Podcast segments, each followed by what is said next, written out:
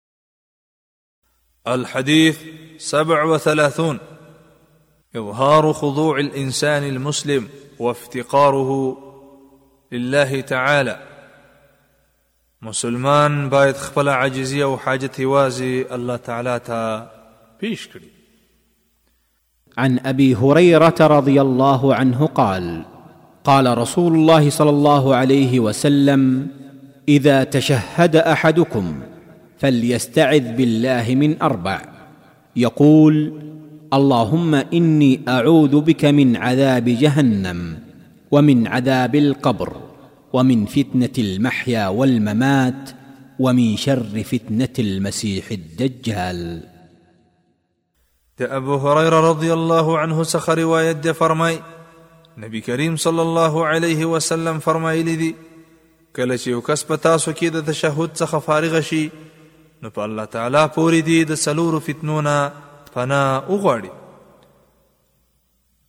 هغه دا الهي ز پتا سره د عذاب د جهنم نه پناه غواړم او د قبر د عذاب نه پناه غواړم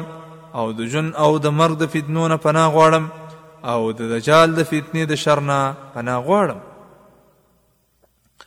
د دې حدیث دراوی پیجندنه مخکې په 14 نمبر حدیث کې ذکر شوی ده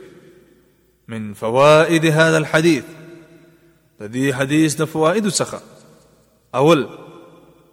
دا پناه غوښتل د بنده د خپل رب نه په دې دلالت کوي چې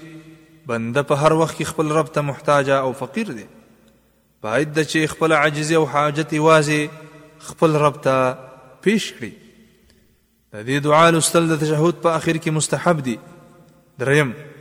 دا حدیث لارښوونه کوي چې فتنه د دجال شته او ډیره لویه فتنه ده